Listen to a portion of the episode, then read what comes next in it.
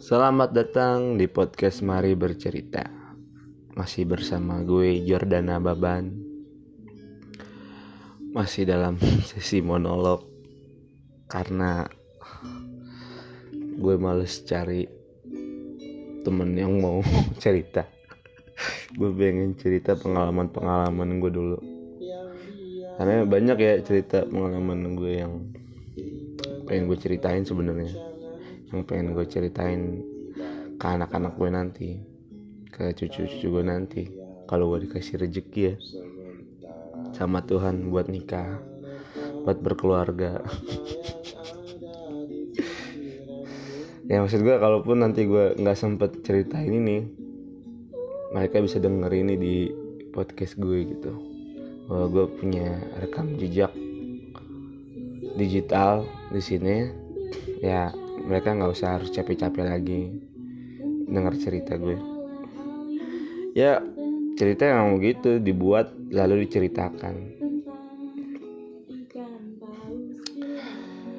Kali ini gue mau bercerita tentang pengalaman gue naik gunung Sem Rinjani. Nah, Gunung Rinjani adalah salah satu gunung yang membuat gue tuh membuat cara berpikir gue berbeda gitu. Bahwa nggak semua gunung di di bumi ini bisa lo daki gitu. Bisa lo bisnisnya bisa lo sampai puncak gitu. Ya jujur waktu itu sebenarnya gue masih kuat gitu buat naik gunung buat nyampe puncak gitu. Karena teman seperjalanan kami juga ada yang dari bawah dari desa Sembalun sampai ke puncak gitu. Walaupun badai. Sebenarnya jadi kami itu oke gue cerita dari awal kali ya. Waktu itu kami naik gunung itu Desember. Desember itu cuacanya parah cuy. Hujan badai. Tahu sendiri kan yang namanya berber-ber itu kan musim hujan lalu tapi emang di planning sih beberapa hari sebelum eh beberapa bulan lah sebelum kita berangkat ke Rinjani. Wah ini kalau diceritain panjang sih. Mulai dari apa ya? Mulai dari kita nyusunnya lama terus ada kendala sini sana ada kendala bahwa gue harus ikut pernikahan abang gue dulu jadi diundur seperti itulah. Jadi sebelum gue pergi ke Renjani gue harus jadi pengiring di pernikahan abang gue jadi ada beberapa hal yang ada beberapa waktu yang udah disepakati diundur gitu. Nah lanjut habis itu gue dari Bandung harus berangkat ke naik kereta ke Jogja stasiun Jogja. Itu satu malaman di kereta. Lanjut lagi dari Jogja langsung tuh ya, paginya. Langsung tembus ke Banyuwangi. Uh dari Jawa Barat ke Jawa Timur ujung kacau. Itu dari pagi nyampe sananya tuh pagi lagi jam satu pagi kalau nggak salah. Nah, nyampe ke stasiun Ketapang kalau nggak salah ya? Eh pelabuhan Ketapang ya? Pelabuhan Ketapang habis itu kita nyebrang naik ferry ke Bali. Nah Bali kita langsung lagi naik mobil lintasin Pulau Bali tuh wah kacau sih dulu kita kalau dipikir-pikir kita kok kita punya tenaga sekuat itu ya.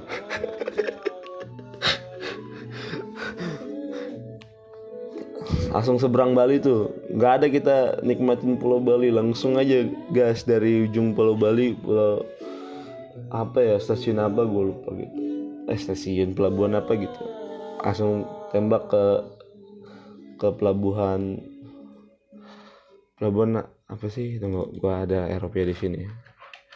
Langsung tembak ke pelabuhan uh,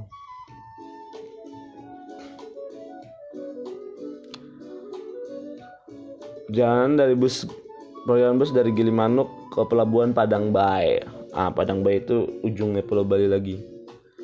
Nah, habis itu kita naik naik kapal lagi bre. naik kapal lagi? Itu kan nyebrang pulau lagi ya? Ke pulau NTB ya? Habis itu kita naik kapal ke, ke pelabuhan Lembar. Itu sekitar 4 jam. Wah ya situ kacau sih. Karena uh, hmm, udah anginnya udah kerasa di situ. Angin lautnya udah kerasa jadi kita goyang-goyang di kapal. Terus kita naik pick up dari pelabuhan Eikmel ke base camp Sembalun. Waduh kacau. Sebenarnya nggak naik pick up juga ya naik naik mobil biasa lah. Soalnya lumayan nanjak jalurnya. Habis itu kita sampai di desa Sembalun desa terakhir pendakian Gunung Rinjani itu malam. Kita bermalam dulu di sana di saung-saung karena kita nggak sanggup ya buat nyewa hotel. Kita dulu waktu itu masih waktu waktu itu masih mahasiswa. By the way gue pengen cerita orang-orang yang ikut itu adalah gue sendiri Jordan. Ada Bang Ricky ya Rangga. Ada pasangannya waktu itu Kemala. Kemala Tampu Bolon ada Erik Takaria. Ada Aldo Kora Aldo ada pasangannya waktu itu. Pada bawa pasangan enak mereka. Tapi ya gua sama Erik sama Bang Kurnia waktu itu nggak bawa pasangan. Dan Kak Gladys Kak Gladys juga nggak bawa pasangan. Nggak tahu ya waktu itu Kak Gladys ada pasangan atau enggak ya. Erik juga kayak ada cuman kayak gue doang yang situ yang jomblo deh. Tapi asik sih. Ya aduh ah gak gak gak bakal gue cerita enak enak lah kalau ada pasangan-pasangan yang oke okay. kami nyampe di jasa sembalun itu malam kan? Kita nginep pagi habis itu paginya kita berangkat. Hmm kita sebelum berangkat fotoan dulu. Setelah itu kita berangkat berdoa sampai di pintu masuk uh, desa pintu masuk pendakian Gunung Semeru lah. Di situ udah mulai kelihatan tuh ada bule-bule yang dibawain tasnya sama porter. Lah ini apa nih gitu kan kita? Saya juga bingung gitu kan. Kok ada kok ada orang dibawain kok ada orang naik gunung dibawain tasnya gitu. Coba saya baru tahu itu ada ada porter di situ. Ada porter di Gunung Rinjani.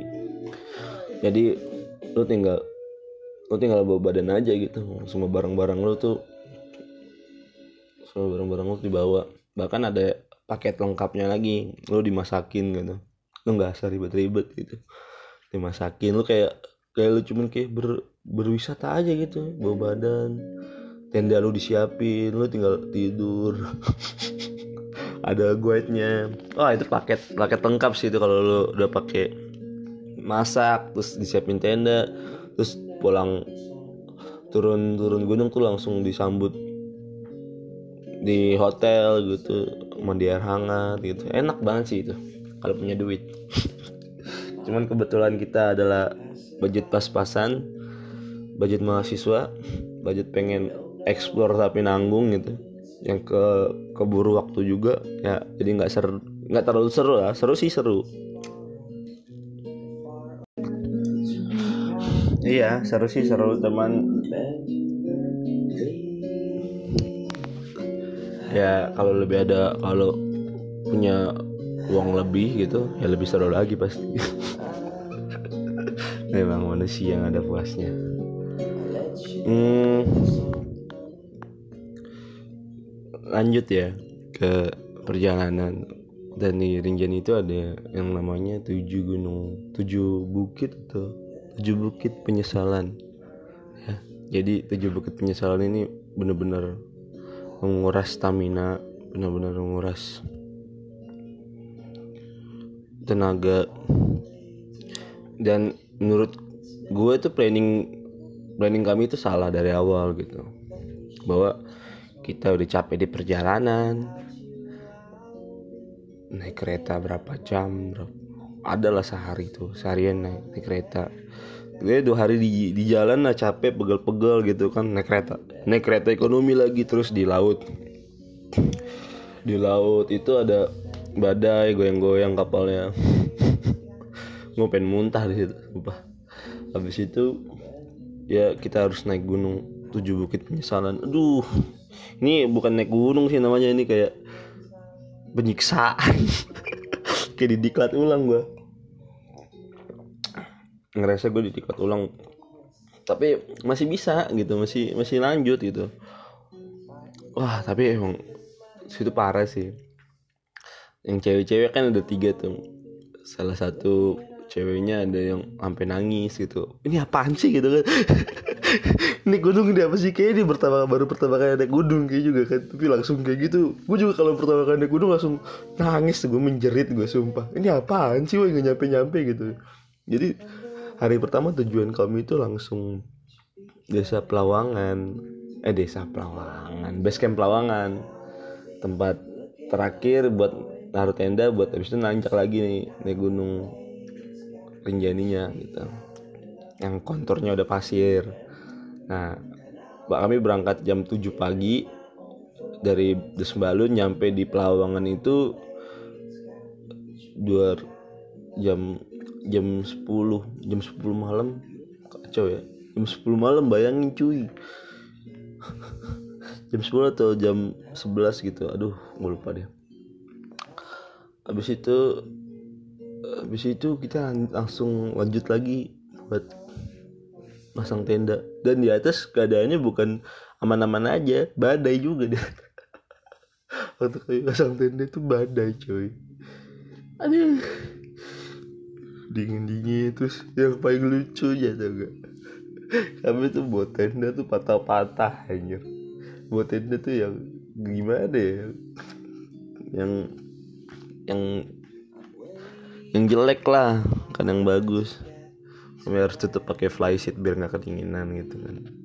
Waduh kak Ricky tuh survive dia semua kedinginan.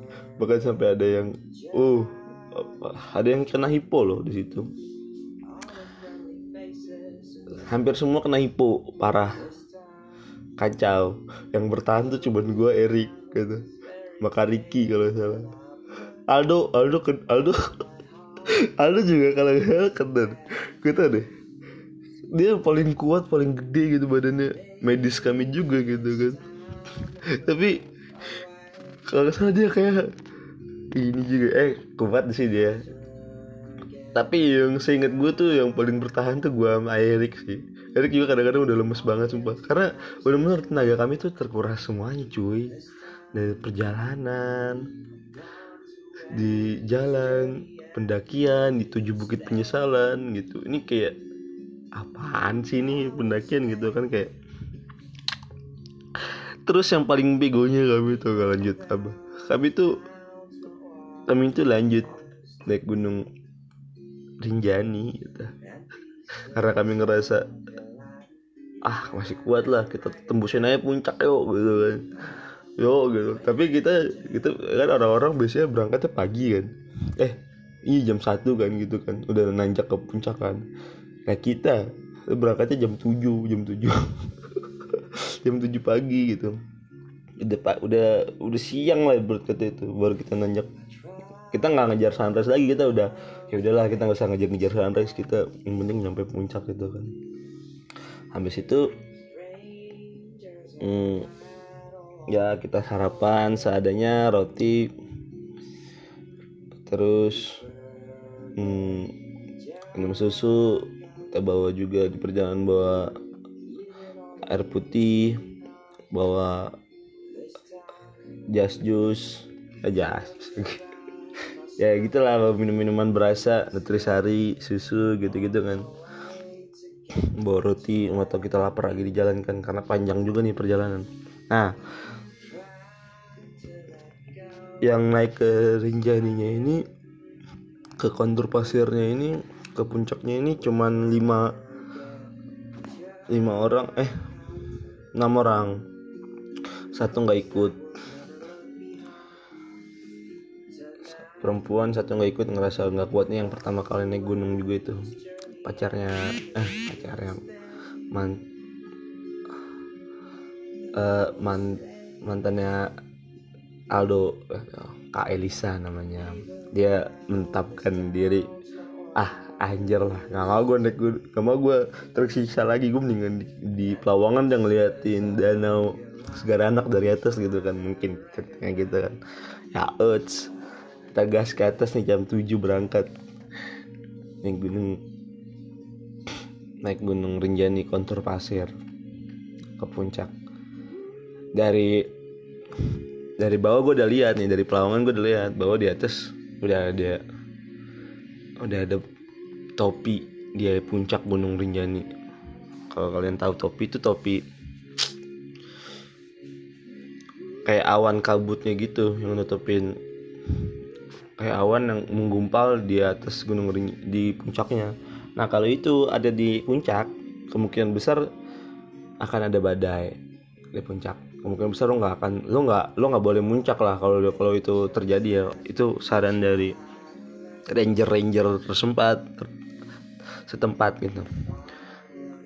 Tapi kita tetap lanjut gitu kan tetap kayak ya udah ayo ayo ayo, ayo bisa bisa masa udah sampai udah udah sampai perjuangan udah sampai kayak gini nggak sampai puncak gitu kan.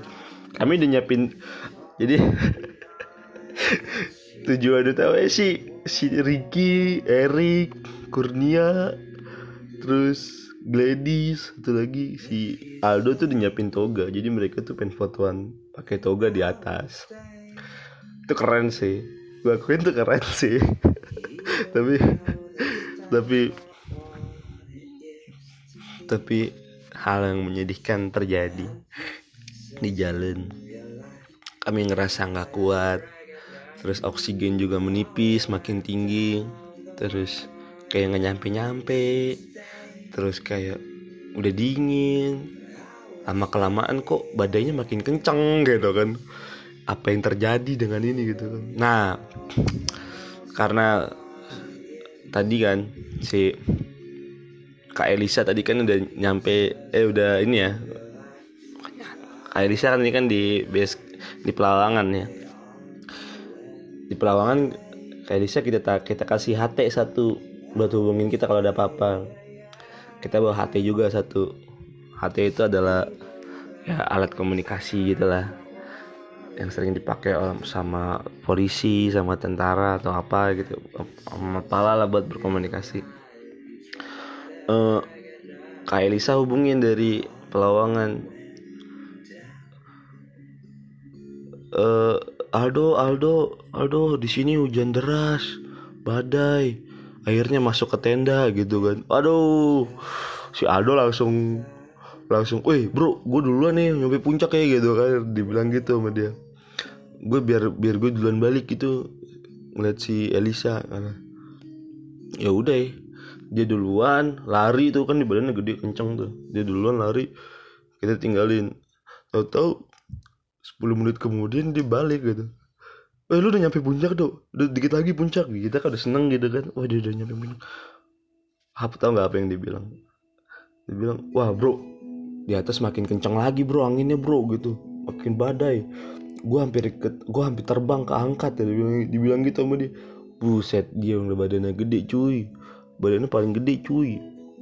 Atlet volley terus uh, kayak dia sa sangat menjaga kesehatan lah kalau gue bilang. Dia bilang gitu. Dia bilang gini lebih tepatnya cuy gue nggak mau gue masih mau wisuda cuy. Gue nggak mau kenapa-napa gitu. Gue ke sini bisa kapan-kapan aja bisa gitu kan. Tapi lebih baik pulang pulang pulang deh. Lebih baik pulang. Gue masih mau wisuda dibilang gitu. Lebih baik turun. Kita bilang gitu kan sama dia kan. Wah gue langsung ayo dong ayo dong udah baik dong gue bilang gitu. Gimana orang paling gede udah bilang gitu. Terus Erik sama Ricky tetap nih mau lanjut nih. Erik Ricky bangkurnya udah bangkurnya juga udah kena hipo di situ kalau nggak salah. Bangkurnya udah kena hipo. Kacau sih bangkurnya udah ah ayolah kita balik lah.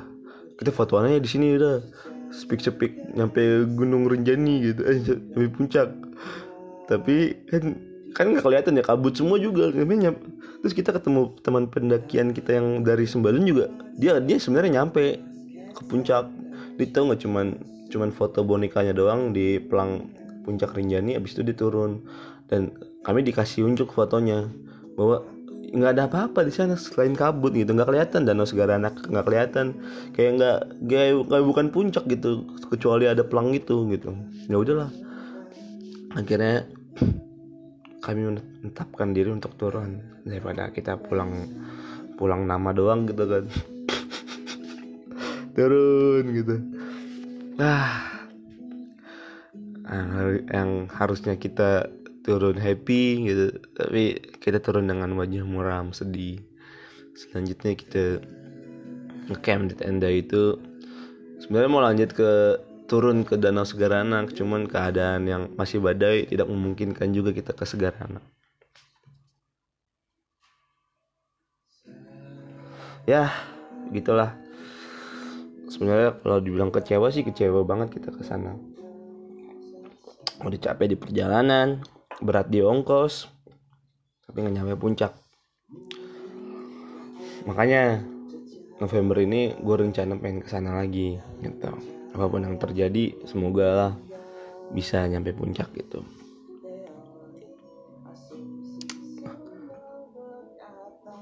Ya.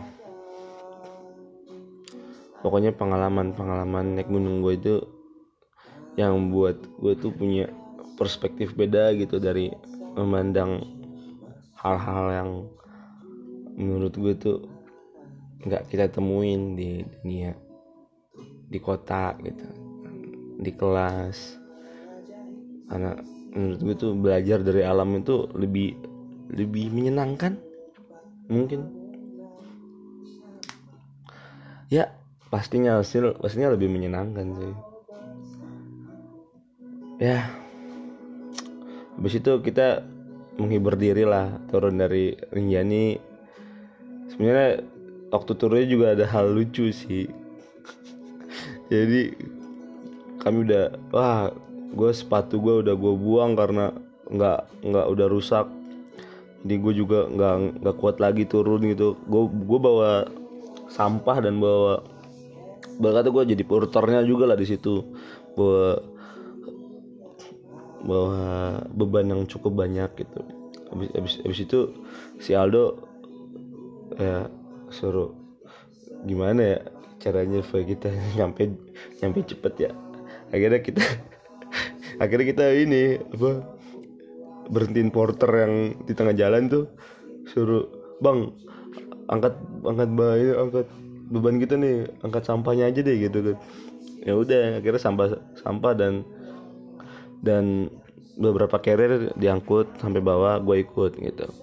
Gue gue ikut lari jadi gue nggak bareng sama rombongan porter gue juga turun ya nggak nggak bawa beban lah berkata sedikit lah bebannya beban-beban di bawah. Jadi kita turunnya nggak terlalu capek gitu.